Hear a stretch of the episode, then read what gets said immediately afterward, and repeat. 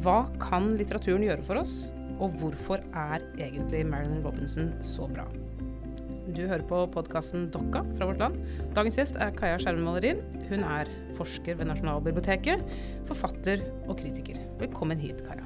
Tusen takk. Vi har styra litt for at du skulle komme, men nå er du her. Nå er jeg her. Ja. Det er ikke så lett med hverdagslogistikk og eh, høstinfluensaer og det hele. Det er mye styr, eh, og vi kan jo eh, komme til spørsmålet om eh, livet og litteraturen, hvordan de passer sammen etter hvert. Det kan vi. Eh, men først skal du få standardspørsmålet, som jeg stiller alle. Kan du si noe som er bra, og noe som er dårlig? Noe som er grusomt, og noe som er kjempefint med kristendom eller religion? Altså, det er jo eh, et spørsmål som inviterer til forenklende svar, men eh, Sant. Du kan få lov til å bruke plass og breie deg. Ja, nei ja, nei da. Jeg, jeg, hvis, altså, hvis skal jeg svare kort på det spørsmålet, så, så vil jeg vel si at um, det som er bra med religion, er at, uh, at det kan gi en spirituell rikdom til livet og, og tilværelsen for den enkelte, altså en høyere himmel over tilværelsen, rett og slett. Som potensielt sett eh, det også kan ligge et eh, fellesskap i, altså av den typen man ser uh, f.eks. med mm, begravelsesritualer, altså når man samles rundt ritualer som er spirituelle som, og betyr noe for den enkelte, men som det samtidig kan ligge et fellesskap i. Da. Eh, det dårlige med religion er vel det som kan være dårlig også mer sånn allment, at, at det ligger en sånn fare i det å bli for identifisert med sitt eget perspektiv på ting. Eh, altså så identifisert at man ikke ser at, at uh, noe annet kan være like sant eh, hvis man bare ser det fra en annen kontekst eller fra et annet sted. Um, og, men det, dette kan jo gjelde ellers i livet også, da. Mm, at, at man blir for dogmatisk, rett og slett. Ja, for dogmatisk, men det kan jo være bra å være dogmatisk i livet òg. Ja. Jeg er jo for at man skal holde på sine prinsipper i, i mange sammenhenger. Ja. Men, men så, altså, dogmatisme er ikke bare Mm. dårlig. Mm. Men, men, men Og også fordi at pragmatisme Mm. jo, kan jo være like altså, Ha sine baksider, det også. Ja. Så, så, men jeg tror akkurat det der med å bli så identifisert med sitt eget perspektiv at man ikke ser at noe annet kan være like sant Mm. for andre og ha like Mm. stor gyldighet Mm. sett, sett fra et annet sted, det, det tror jeg det både er en fare, men at det også er lett å havne i et sånt uh. I en sånn dynamikk, da. Ja, og at man ikke ser at det man gjør, egentlig er å velge. Ehm, det, det er ikke gitt, liksom. Man har valgt. Nei, ja, at man har, nettopp. Og at man har valgt ut fra sine forutsetninger. Mm. Uh, og Mm. ut fra sin historie og ut fra sin kulturelle kontekst, og at det er en hel haug med føringer da, Mm. som, som, som man Mm. velger bevisst og ubevisst ut fra. Absolutt. Eh, ja. Men jeg tenkte på det du sa med det spirituelle. Det syns jeg er interessant, fordi jeg begynte å tenke på i det siste dette ordet åndsliv. Mm. Det er noe annet. Altså Vi har, snakker jo om på en måte det å ha et, liksom et åndsliv. Det er jo det eh, å være et åndsmenneske. Det er jo noe annet enn å være åndelig. liksom. Det er to, to litt ulike ting. Men er det det? For jeg har, jeg har tenkt liksom der, jeg har tenkt om meg selv ofte at jeg er ikke noe særlig åndelig. Altså jeg, jeg, eh, Hva skal jeg si? Jeg bekjenner meg til en religion, men jeg har ikke noe sånn åndelighet på den måten. Men jeg vil jo gjerne være et åndsmenneske. Men det er jo noe litt annet igjen.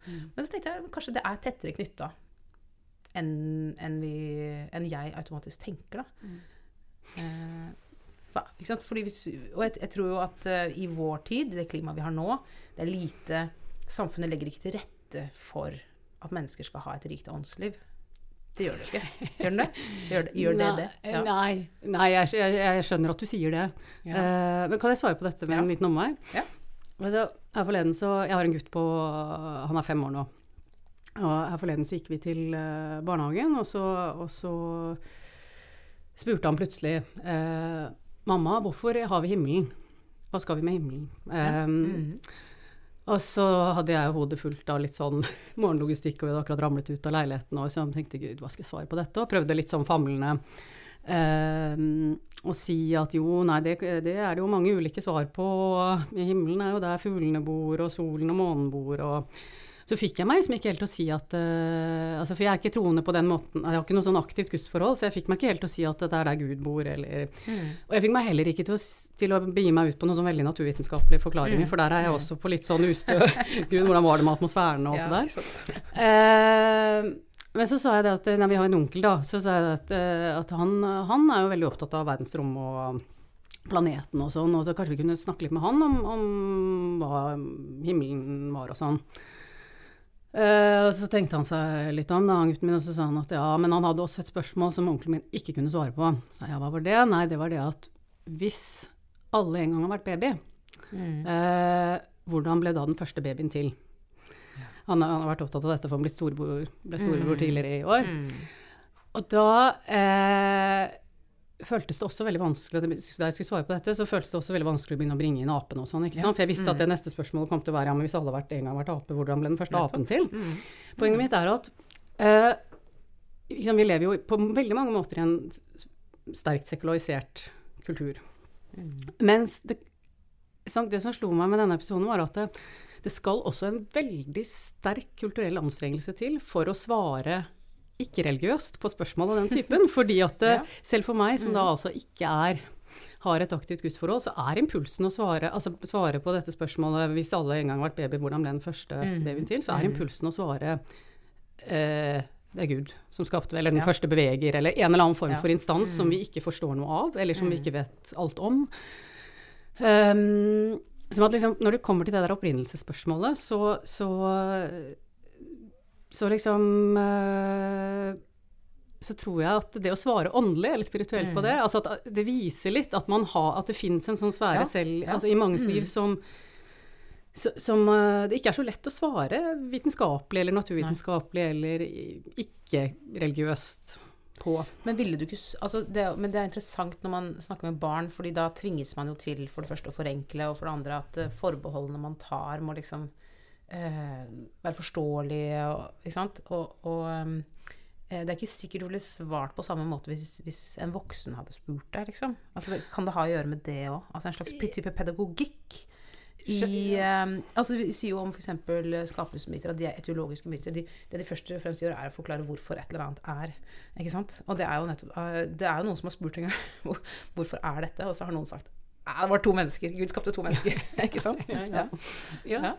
Ja, mm. ja, ja, det er klart det er jo en side ved det, men jeg er jammen ikke sikker på jeg, hva jeg skulle svart hvis en voksen hadde stilt det samme spørsmålet heller. fordi det, man kommer jo hele tiden tilbake til det samme uløselige problemet. Hva, var da, hvis noen, en voksen har sagt seg 'hvorfor har vi himmelen', så hadde du sagt 'hvorfor skal det være en formålsrasjonalitet bak at det eksisterer en himmel'? Altså, Du hadde jo svart helt annerledes. Jo da, jo da det er klart. Det er mm. klart men ville svaret vært mer innsiktsfullt eller ikke? Nei, nei, nei, nei, nei, nei, du må ikke Jeg føler meg ikke instruert. Nei, nei, godt. Mm. nei men det er noe sånn Det er noe med, med Altså, jeg er jo da vokst opp faren, altså mine, Min farmor og farfar var, var uh, frels, offiserer i Frelsesarmeen. Ja. Så faren mm. min er vokst opp med Uh, alt hva det innebærer. Uh, en ting er religionen og, og livssyn og sånn, men også alt hva det innebærer av praktikaliteter, som er å flytte fra ja. sted til sted. Mm. Uh, lite penger. Lite Mye fokus på det utenfor familien. Ja, ja mm. ikke sant. Og, og, større Altså liksom en, en, solidaritet som strekker seg utover ja. familien. På godt og vondt, da. Ja. ikke sant. Mm. men også dette å flytte,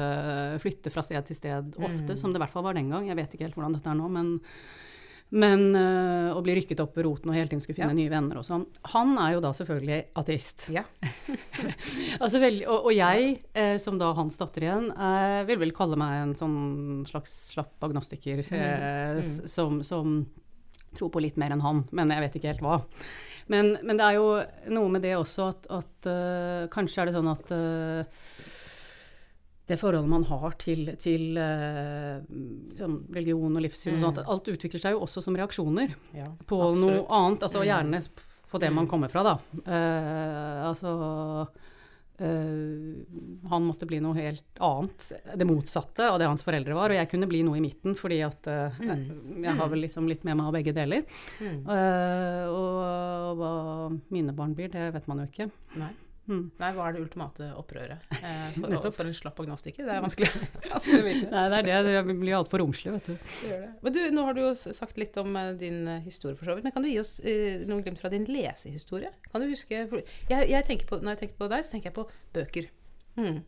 Eh, er det, er det, stemmer det?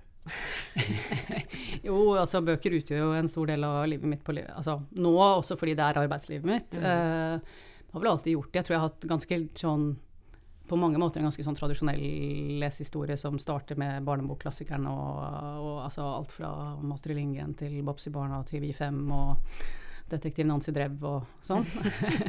Dette som folk har andre også, eller historien om bøkene og sånn. Mm. Uh, men for meg, det som virkelig var den store, sånn viktige døråpneren inn i, i, mm. i litteraturhistorien, det var Bob Dylan. Så ja. på, så, så, så, som du kom til via å høre på musikken ja, hans? Ja. ja. Mm.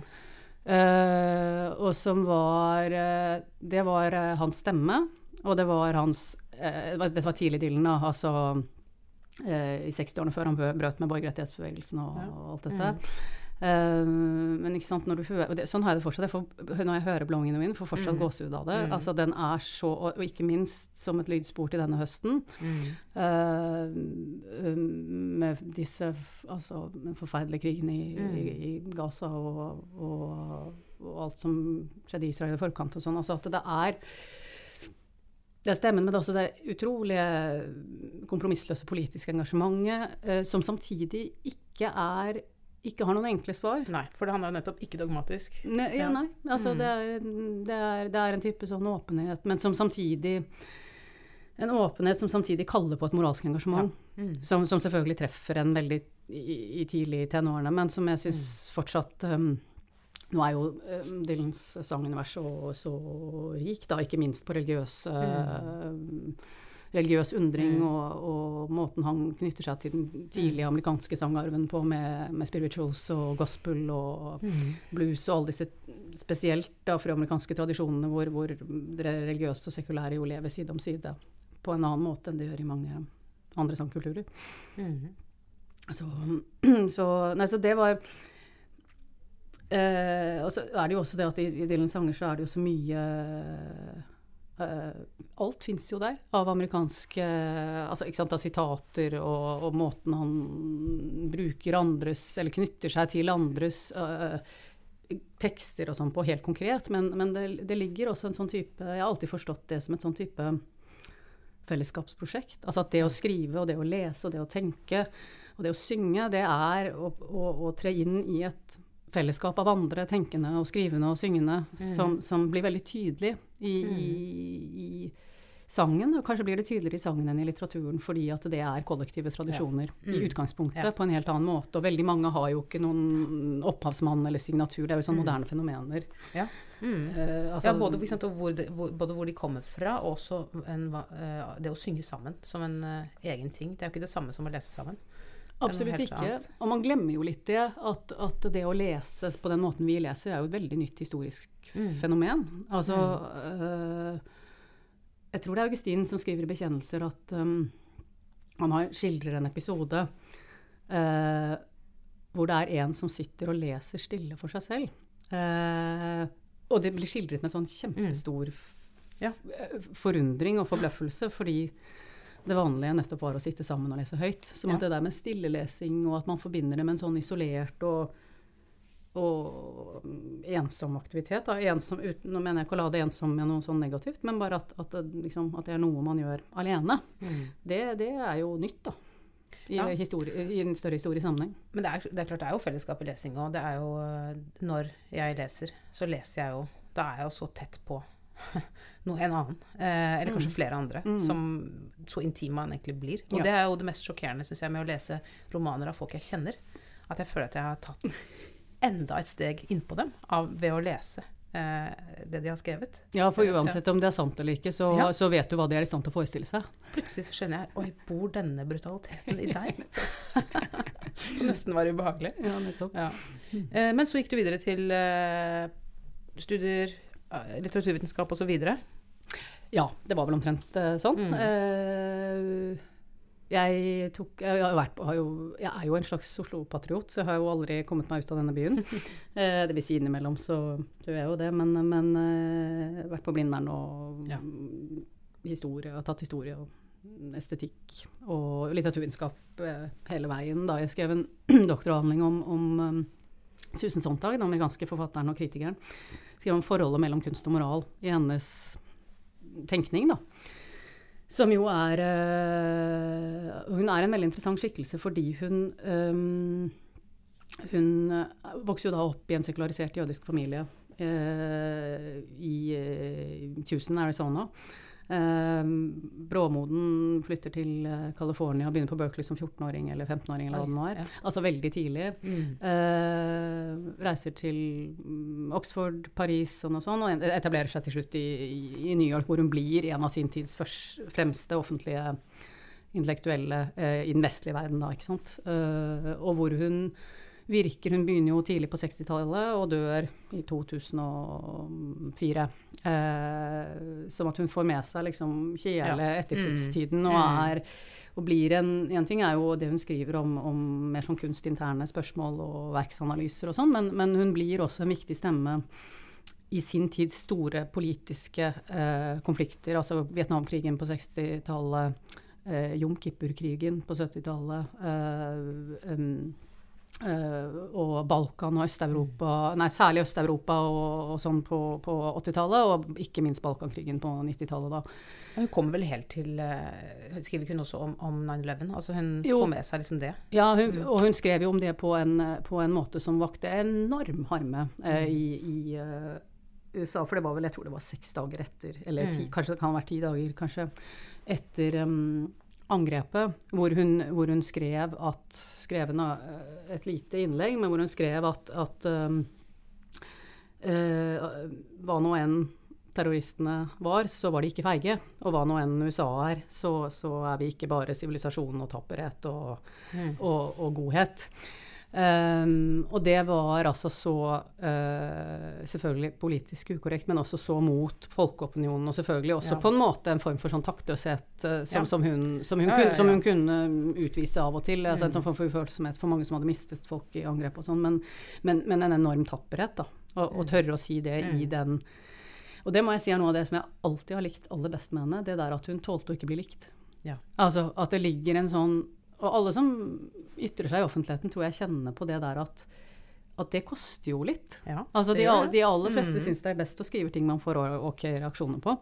Men med en gang du skal uttale deg om, om altså på måter som går så på tvers av, av også, også, de du tradisjonelt er alliert med, mm. så, så, så, er det at det er en sånn posisjon som, som er um, koster mye mer enn en, mm. en man skulle tro, da, kanskje. Ja. Og, men det paradoksale er jo at hvis du bare skriver ting som uh, folk liker, så eh, da forsvinner du jo. Mm. Altså Da går du ut med tapeten. Mm. Og det, er jo ikke noe, det gir ingen mening heller. Nei, nei, det, det, det gjør det, jo ikke. Jo, det, er jo, det er jo meningsløst å ytre seg hvis det man sier er summen av det folk til enhver tid syns. Eh, men det er kjempeubehagelig når folk blir sinte i kommentarfelt og ja, ja. på e-post. Ja, ja, du får sikkert mer av det på den måten at du er mer koblet på, på det digitale. Altså, jeg er jo ikke på noen sosiale medier og følger ikke med på kommentar... Eller, jeg, har jeg, har faktisk gitt meg på sosiale medier, sånn at jeg slipper okay. å se det. Men det hender jo, at, eh, det hender jo likevel at det dukker opp for meg. ja, ja, og det, også, det, er veldig vanskelig. Og når man først ser det, så er det jo veldig vanskelig å ikke forholde seg til det. Det er i hvert fall min erfaring. At det egentlig beste er jo å være lykkelig uvitende om alt mulig rart som folk mener. Ja. For det er jo noe med det også at det er liksom, Det er så mye meninger om absolutt alt, og at man skal drive og ene er å forholde seg til alt hva folk mener om ditt og datt, men det andre er jo at man selv også Man blir jo matt av å mene så mye selv òg. Så det er jo noe med mm. det å, å, tre inn i offentligheten bare når du først har noe på hjertet. Ja. Uh, så, og som du føler at det er viktig at at blir sagt, kanskje fordi ingen andre har sagt det, eller fordi at det var dette du hadde gått og tenkt på de siste tre ja. ukene, eller hvordan ja. altså. Men det er jo klart, det er jo vanskelig hvis man, altså hvis man mm, har en jobb hvor du faktisk eh, har spalteplass, og den skal du fylle. Så, ja, det er klart. Det er klart. så kan du ikke velge det. Er klart. Den, den, har vi jo alle vært borti. At, uh, og selvfølgelig for dere som jobber på dagsbasis i journalistikken og sånn, så er det selvfølgelig helt andre ja, det kan man bare mene noe som er uh, litt uh, kjedelig, da. Så, ja, jo jo. Men, men, altså, jeg mener jo ikke at altså, Nei, Det er jo grenser for hvor originale vi alle er, ja. på en måte. Men, men, uh, men, jeg tenker jo mm. at uh, Men jeg syns jo det er noe sånn Noe av det som også interesserte meg litt ved Sontag, og som jeg faktisk først oppdaget med For hun, hun laget en jeg, tenk, jeg, har tenkt litt på det denne høsten, mm. fordi at hun laget en i forbindelse med John Kippur-krigen så mm. laget hun en, en dokumentarfilm om, om den krigen. Den heter 'Promised Lands'. Eh, ganske sånn ukjent eh, egentlig i hennes uh, produksjon, da. Men, men uh, det var så interessant å se den filmen om igjen da jeg gjorde det for noen år siden. For da kom den ut i en sånn DVD-versjon. Du måtte liksom ikke drive og rote rundt på det mørke nettet, eller det gjør jo jeg jo aldri, men, men, men, jeg får hjelp til det. Ja. men, nå hadde jeg nå i hvert fall fått, uh, fått min e-, helt egne DVD-versjon, som, som, jeg så. Og det var, det var veldig interessant å se den, fordi den viste så tydelig at, at hvor, altså hvor avgjørende ens egen kontekst er for hvordan man forstår et kunstverk. Fordi at eh, da den filmen kom, så uh, ble den for det første forstått som, som altfor Israel-kritisk. Den ble forbudt i, i Israel. Mm -hmm.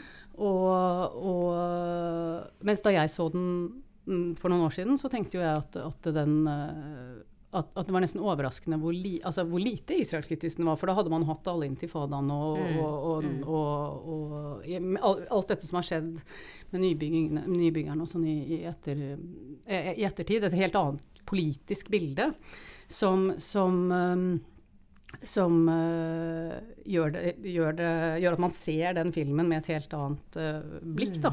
Mm, mm. Og, og, det tenker jeg jo at man skal liksom tenke litt på nå, også med alt som, alt som foregår. At man, alt man ser, ser man jo fra sitt sted nå. Mm. Eh, og, og, det er jo ikke alltid så lett sånn i øyeblikket å, å reflektere over hvor farget man er av sin, av sin mm. egen uh, situasjon. Mm. Men, men, uh, men, det er noe sånn Ja, det er noe der, da. Du skrev uh, i um, Klassekampen i, i, slutten av oktober så Du anmeldte en bok, og så skrev du noe om som for oss som, le, for oss som lever tett på litteraturen, så, så, er det lett å glemme eh, hva den egentlig gir. Eh, mens eh, hvis man ikke gjør det, så kan det kanskje komme som en sånn eh, Nei, nå rota jeg meg litt bort. Men du, du, sier, du, du sa noe om ehm, eh, at å bli vant til hva litteraturen gjør i et liv.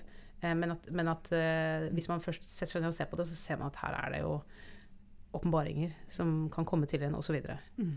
Um, ja, hva, hva, gjør hva, hva, er det, hva, er den store Hva er det litteraturen gjør i oss?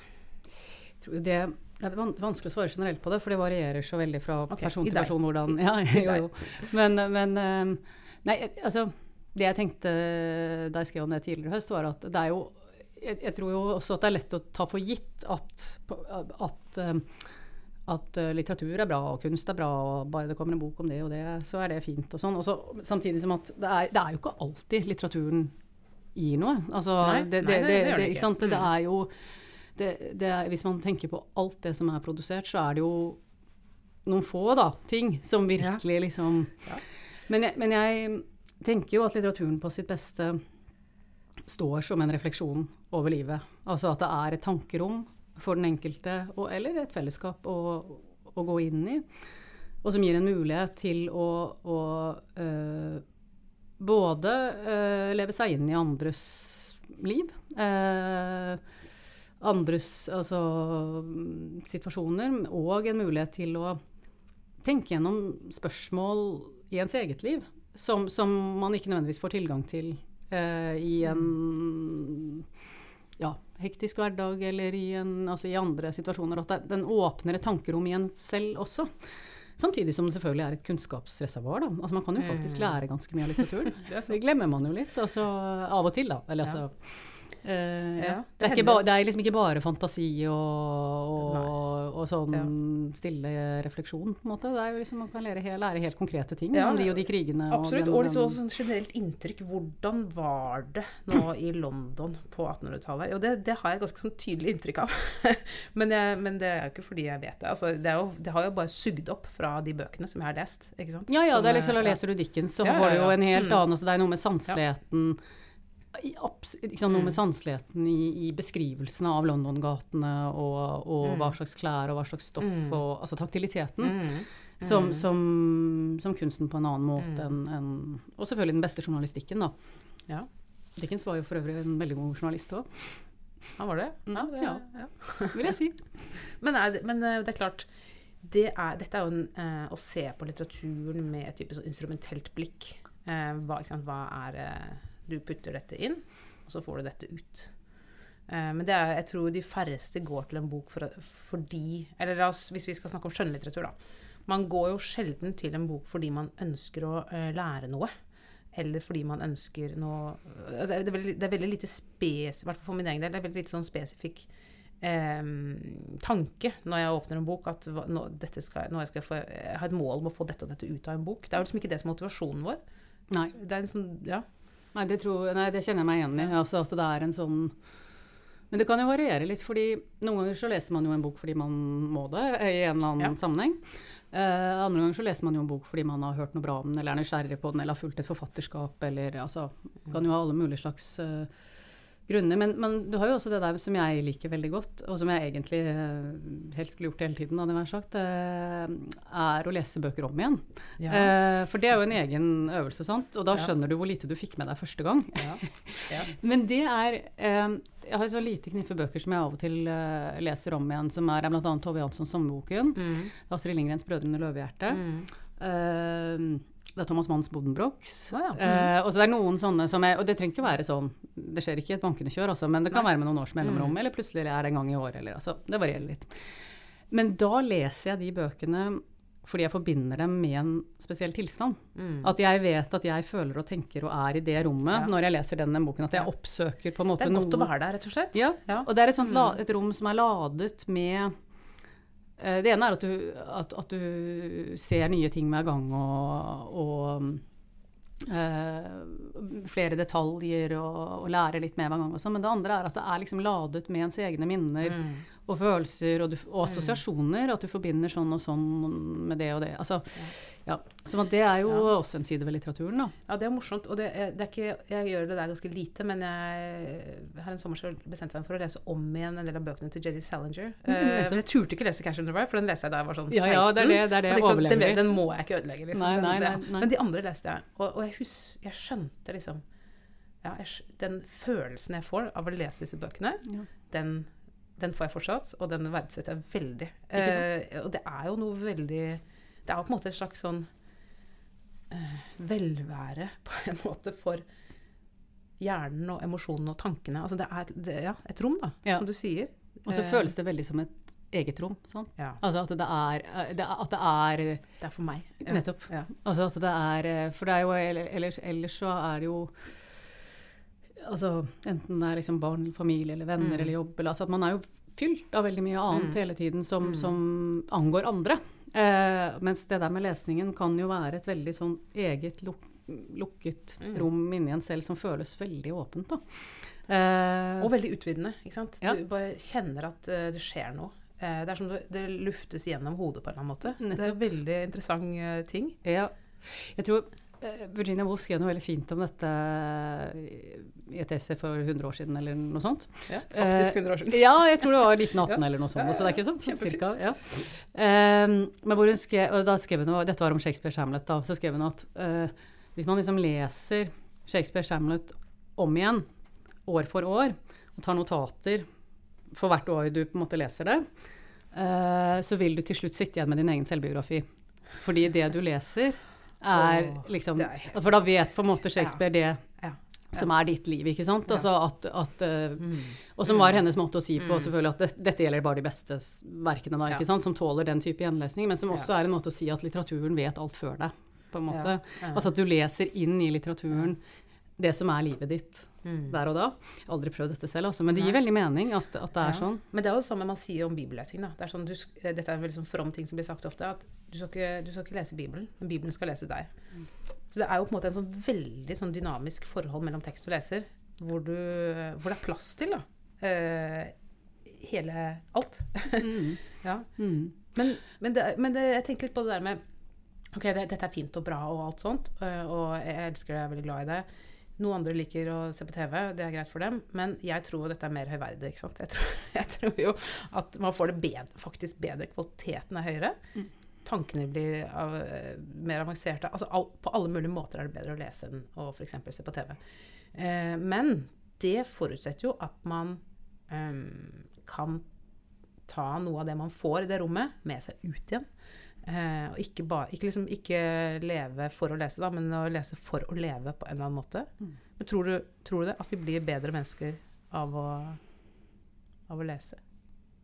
Hvis jeg skal svare i sånn gjenstavelse på det, så ville jeg svart nei. Ja. Eh, rett og slett fordi eksemplene er så mange på veldig beleste folk som gjør forferdelige ting. Ja. Men du vet jo ikke hvor grusomme det ville vært hvis de ikke hadde lest. Nei, det er sant. Det, er sant. det kunne vært mye verre. Så, Men, men, jeg, føler, ok, jeg føler at jeg blir et bedre menneske av å lese. Men det kan hende at det er feil, selvfølgelig.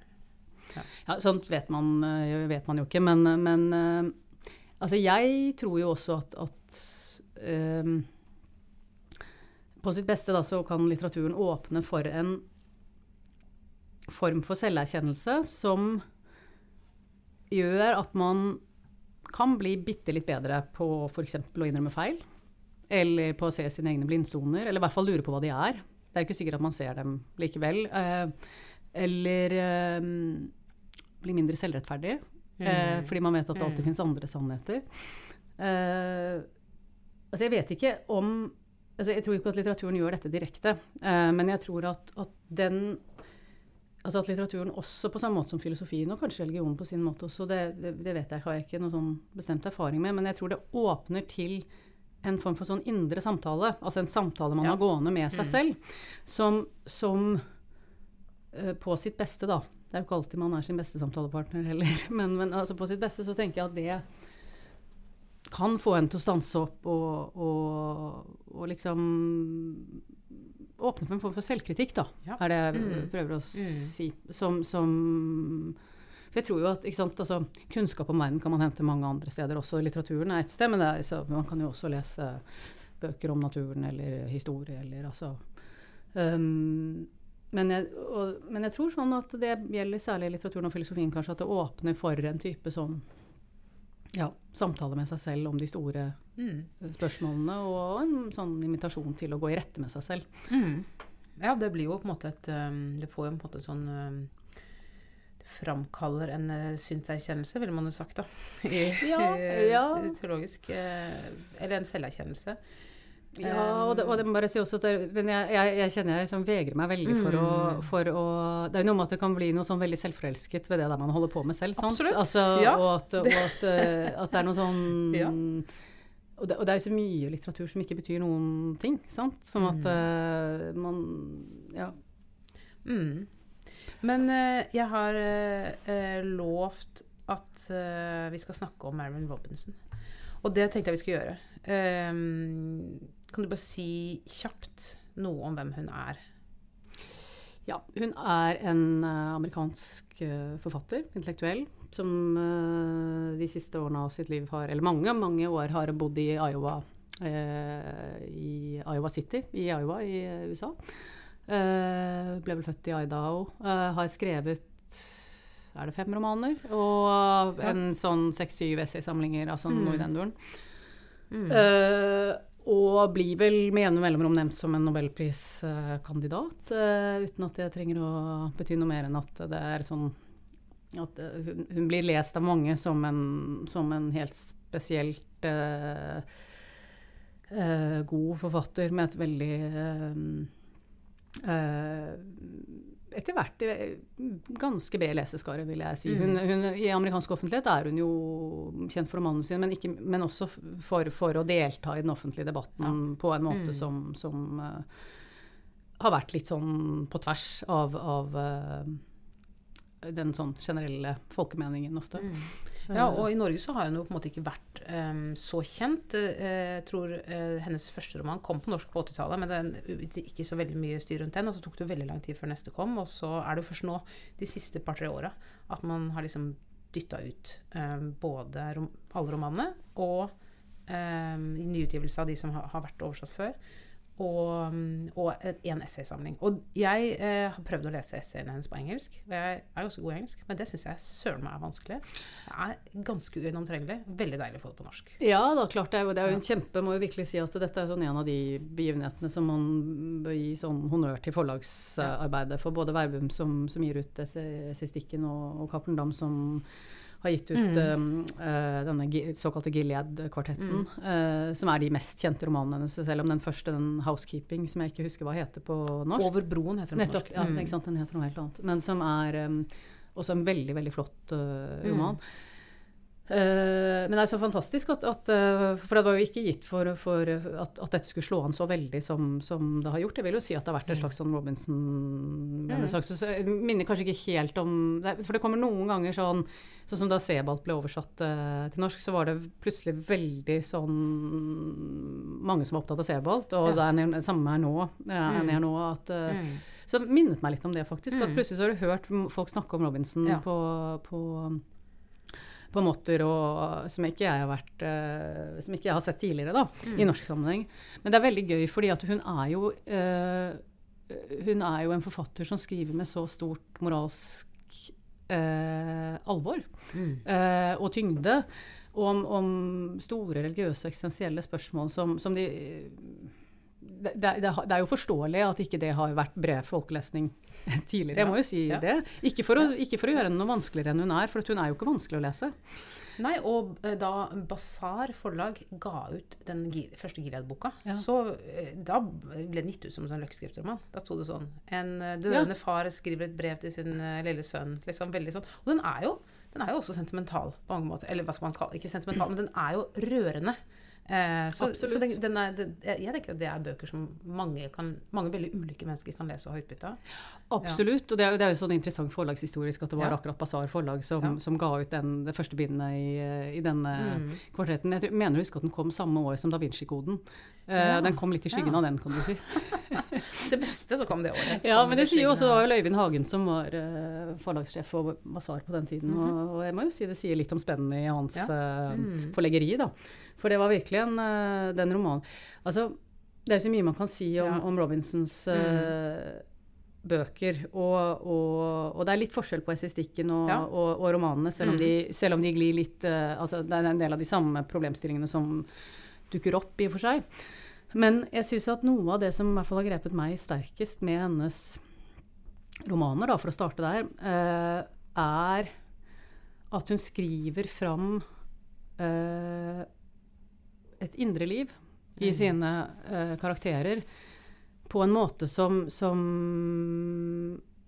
ikke jeg har sett så mye av i, i, i samtidslitteraturen. Altså, jeg syns hun går utrolig langt i å leve seg inn i et uh, enkelt menneskes indre. Uh, alt fra liksom beveggrunner til følelsesliv til, til, hvorfor man tenker og handler og, og, som man gjør. Uh, til å også vise fram kompleksiteten i en karakter. Altså at, mm. og hvordan disse, de ulike egenskapene hennes uh, henger sammen på så intrikate måter at man kan ikke bare liksom ønske seg bort. Altså skulle ønske at liksom skulle ønske at hun ikke var så liksom, lot seg så lett fornærme, f.eks. For mm. eh, det kan man ikke si, fordi at den, det at hun lar seg lett fornærme, mm. er også henger sammen med andre egenskaper som gjør at hun er følsomhet for andre, ikke sant? som gjør at hun kan ta mm. inn andre situasjoner på en måte som altså at Det der hvordan egenskaper henger sammen, syns hun er helt utrolig til å, mm. til, å, beskrive det. Men, men det er også øh, Og også disse perspektivskiftene som foregår både fra roman til roman, men også innenfor romanene, som viser at, at hvor ulikt en, altså to forskjellige mennesker kan se på en og samme situasjon. ja. mm. Og begge kan ha Altså Det der med liksom å si hvem som har rett og ikke, det er liksom helt irrelevant. Ja. Fordi at mm. det, mm. For det hun beskriver, er på en måte mer sånn uh, Altså ja, hvordan man tar inn verden, rett og slett. Uh, og, og, jeg syns det er Det der med å skrive Man tenker jo ikke så mye over det kanskje i hverdagen, men det er jo noe med det at det, det, det indre livet er jo usynlig for oss alle. Altså, jeg ser ikke mitt eget, jeg ser ikke ditt. Man vet veldig lite om hvordan andre selv de nærmeste tenker mm. og føler og ser mm. ting. Man vet ingenting om det. Man, man har mm. bare sitt eget Altså, man kan jo bare se verden fra seg selv. Ja. Sånn at det der å Og jeg tror det er innmari lett sånn i en hverdag å ikke forhold, altså faktisk ikke forholde seg til andres indre liv. Ikke på en sånn måte at man er aktivt ufølsom eller, eller sånn, men at man ikke tenker Altså det der å Hvordan man kan holde F.eks. gi andre Uh, altså hvordan man selv hele tiden fargelegger verden. Uh, altså at man kan gi andre, andre, og dårligere egenskaper enn de egentlig har. Mm. Eller man kan lese en intensjon inn i et eller annet mm. som skjer, som ikke er der. Absolutt. Sette inn et mønster som man tror fins, ikke sant. Ja, mm. ja og, som ikke, og, som ikke, er der. Men som, som, Og jeg tror at det hun gjør, er å, er å på, altså, det er noe med farten i hverdagslivet som, som, gjør at man ikke alltid stopper og tenker over hvordan ser dette ut fra en annen mm. sted. Uh, Men det er også noe med at vi alle er liksom utstyrt med en, eller annen, en slags sånn naturlig selvopptatthet, da. Ja. Som gjør at, at vi ser det fra vårt sted, og vi lager forklaringer som passer med vår Mm. oppfatning av ting. At, at, eh, men hun rykker, hun rykker oss litt ut av det, da. Altså at det derre Den derre mm, Altså glede Og viser jo også ikke bare liksom den derre eh, Altså det moralsk viktige i å leve seg inn i andres indre liv, men også faktisk gleden ved det. Å Mm. forstå en annen. Mm. Altså, Mm. det, er, det er jo et uh, Mm. Og, så, og sorgen når man ikke forstår. Absolutt. Jack som ikke blir forstått uh, i så stor grad. Ja, og, ja, og han som, hans egen sorg over ikke å få bli Mm. forstått, men også, også farens Mm. sorg over uh, For han forstår jo ensomheten det må innebære Mm. for Jack. ikke sant? Altså at han altså, At barnet sitt ikke føler seg Mm. forstått, er jo på en Mm. måte en sorg for en forelder Mm. også. i- også øh, eller ikke minst. Men det har også gjort med utrolig mye sympati for disse menneskene. Altså, hun, og det betyr ikke at de fremstilles som eh, bare gode, f.eks. Eh, men men eh, jeg, jeg tenker jo at de er gode mennesker likevel. På en måte På tross av eh, bristene deres, så er det det er sånn nådig blikk da, på, Ja, ja. eh, på dem. Ja, jeg syns det er noe av det flotteste hun gjør, det er at hun fremstiller alle menneskene i, i Marilyn Robinsons univers er feilbarlige. Mm. Sånn som vi jo alle er. Mm. Og at det likevel Mm. er, er, en, er en sånn Ja, en nåde eller en sympati der, da. Som, som Mm. er, som er øh, øh, Altså, hun dømmer ingen.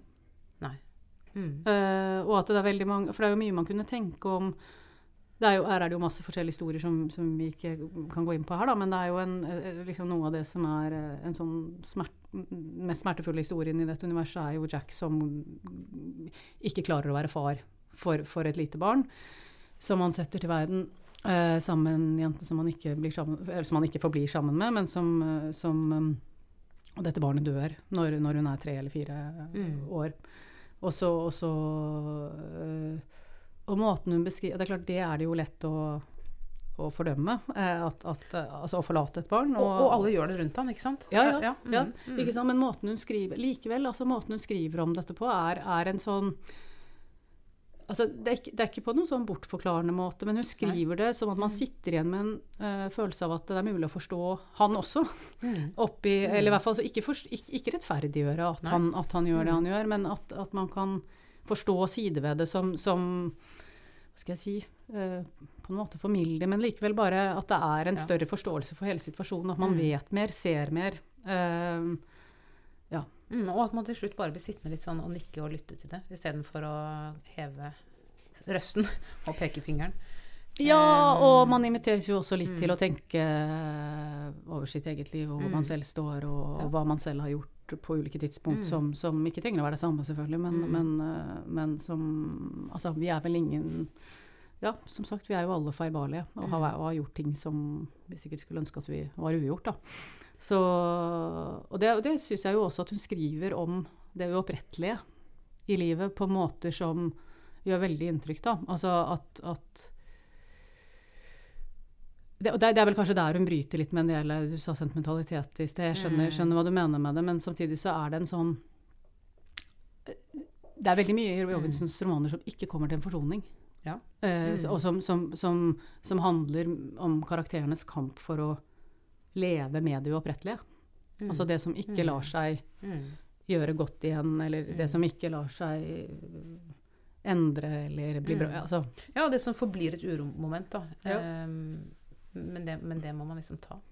Men en annen ting som jeg har tenkt, er jo at det er noe sånn skamløst over hennes um, Altså den første Gilead, eh, hvor vi er inni hodet på presten uh, John, Er det John Ames han heter? jeg tror, jeg tror det. Mm. Som skal dø. Mm. Det er jo åpenbart fra første side, så det er ikke å røpe noen ting. Men han, det der akutte, da, ved at han vet at han skal dø og har et lite barn som han uh, skriver til og tenker på, det skaper jo hos han et sånn blikk for skjønnhet. Um, og det, det stedet de bor, det er jo bare liksom forblåst sted i ørkenen, har jeg inntrykk av. Det er liksom ikke noe, ikke noe spesielt. Midtvesten. Det er ikke noe spesielt, liksom. Det er bare et helt alminnelig sted. Um, kanskje minus. Alminnelig minus.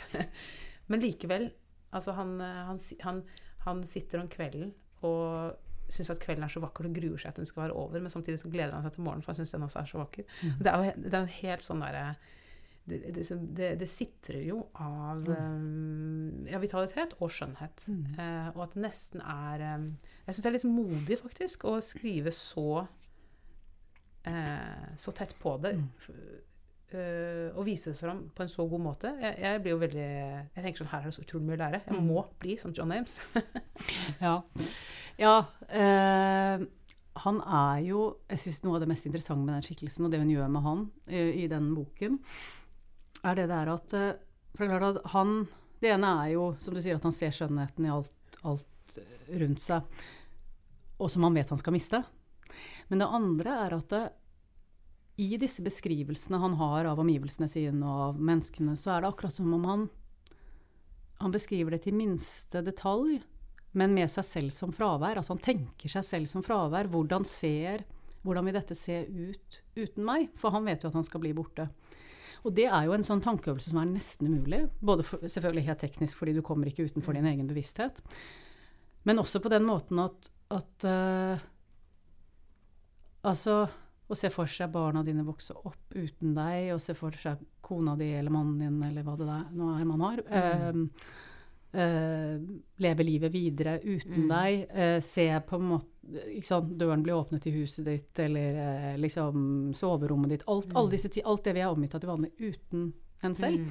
Det er det er jo noe ved det som, som kan være selvfølgelig enormt befriende, men, men noe ved det som jo er så ikke til å bære, ikke sant? Nei, ja, det, det er jo helt forferdelig. Som, ja, Ja. sånn Mm. at det, og, og der, Men det syns jeg på en måte, den impulsen der til å, å tenke seg selv som fravær, det, det strider jo veldig da mot vår, vår tids impulsen ellers i kulturen, som jo Det er ikke akkurat det som foregår på sosiale medier, eller Det er ikke så mange som sitter der og tenker seg selv som fravær, for å si det sånn. Det er mest mulig nærvær. Ja, det, ja Mm. er Men ikke sant, det er noe med den eh, selvopptattheten, da, ikke sant, som, som, som hun skriver seg så mot. Altså sånn øh, Og bort fra. Og altså, som jo handler om et, et menneskesyn, da, som jeg også syns kommer veldig Det er jo noe av det jeg også syns er så sterkt med de øh, forfatterskapet hennes. altså og så kanskje henger det sammen, nå tenker jeg høyt da bare, men så Mm. kanskje henger det sammen med det du, dette med skjønnheten som du mm, brakte opp. Altså at hun, I essistikken så har hun jo vært opptatt av uh, at veldig mye av den vestlige sånn diskusjonen diskusjonen i den vestlige kulturen, den intellektuelle diskusjonen, er blitt ført ut fra uh, tre viktige skikkelser. Det er liksom Freud, og så er det Darwin, og så er det Sartre. Og med Freud, så øh, skriver hun, så fulgte jo en innsikt i, i menneskets destruktivitet. Altså at man ikke liksom forskjønner mennesket, men, men erkjenner at vi er også destruktive krefter. Samtidig som øh, det fulgte en overdreven opptatthet av at vi bare er destruktivitet. Altså at, øh, Mm. at um, Altså reduktivt, da. ja, reduktivt. ikke sant? Og det samme ikke med Darwin fulgte liksom eh, hele denne tanken om 'survival of the fittest' uh, Ja. osv., som samtidig eh, førte med seg en tanke om at um, man er ansvarlig for sin egen ulykke. Eh, Mm. Og med Saitre så fulgte en, en tanke om at eh, eh, mennesket er frihet, altså, eget, altså fri vilje, og at det er valgene, valgene man gjør, at man er frie til å gjøre egne valg. Men, men, men også en uh, liksom overdreven betoning av at mennesket er uh, isolert og fortapt i sin egen ensomhet, og, og, og vanskelig å etablere fellesskap mm, på, på tvers av sine eh, isolerte situasjoner. Da. Hun skriver seg liksom mot alt dette, og, og mener at det til sammen gir oss et helt feilaktig menneskesyn Mm. som, som som én eh, blir eh, for det første liksom sånne teoretiske overbygninger som rettferdiggjør destruktive handlinger, og, Mm. og rettferdiggjør og overlate folk til seg selv og rettferdiggjør, og ikke skape, ikke jobbe for å skape fellesskap.